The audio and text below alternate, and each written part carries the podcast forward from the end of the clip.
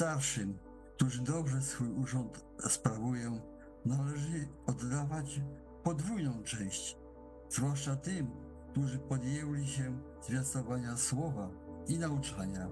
Przeciwko starszym skargi nie przyjmuj, chyba że jest ona oparta na zeznaniu dwóch lub trzech świadków.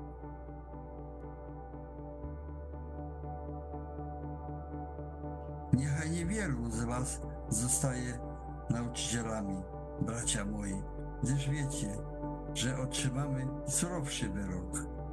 Dopuszczamy się bowiem wszyscy wielu uchybień. Jeśli kto w mowie nie uchybia, ten jest mężem doskonałym, który całe ciało może utrzymać na wodzy.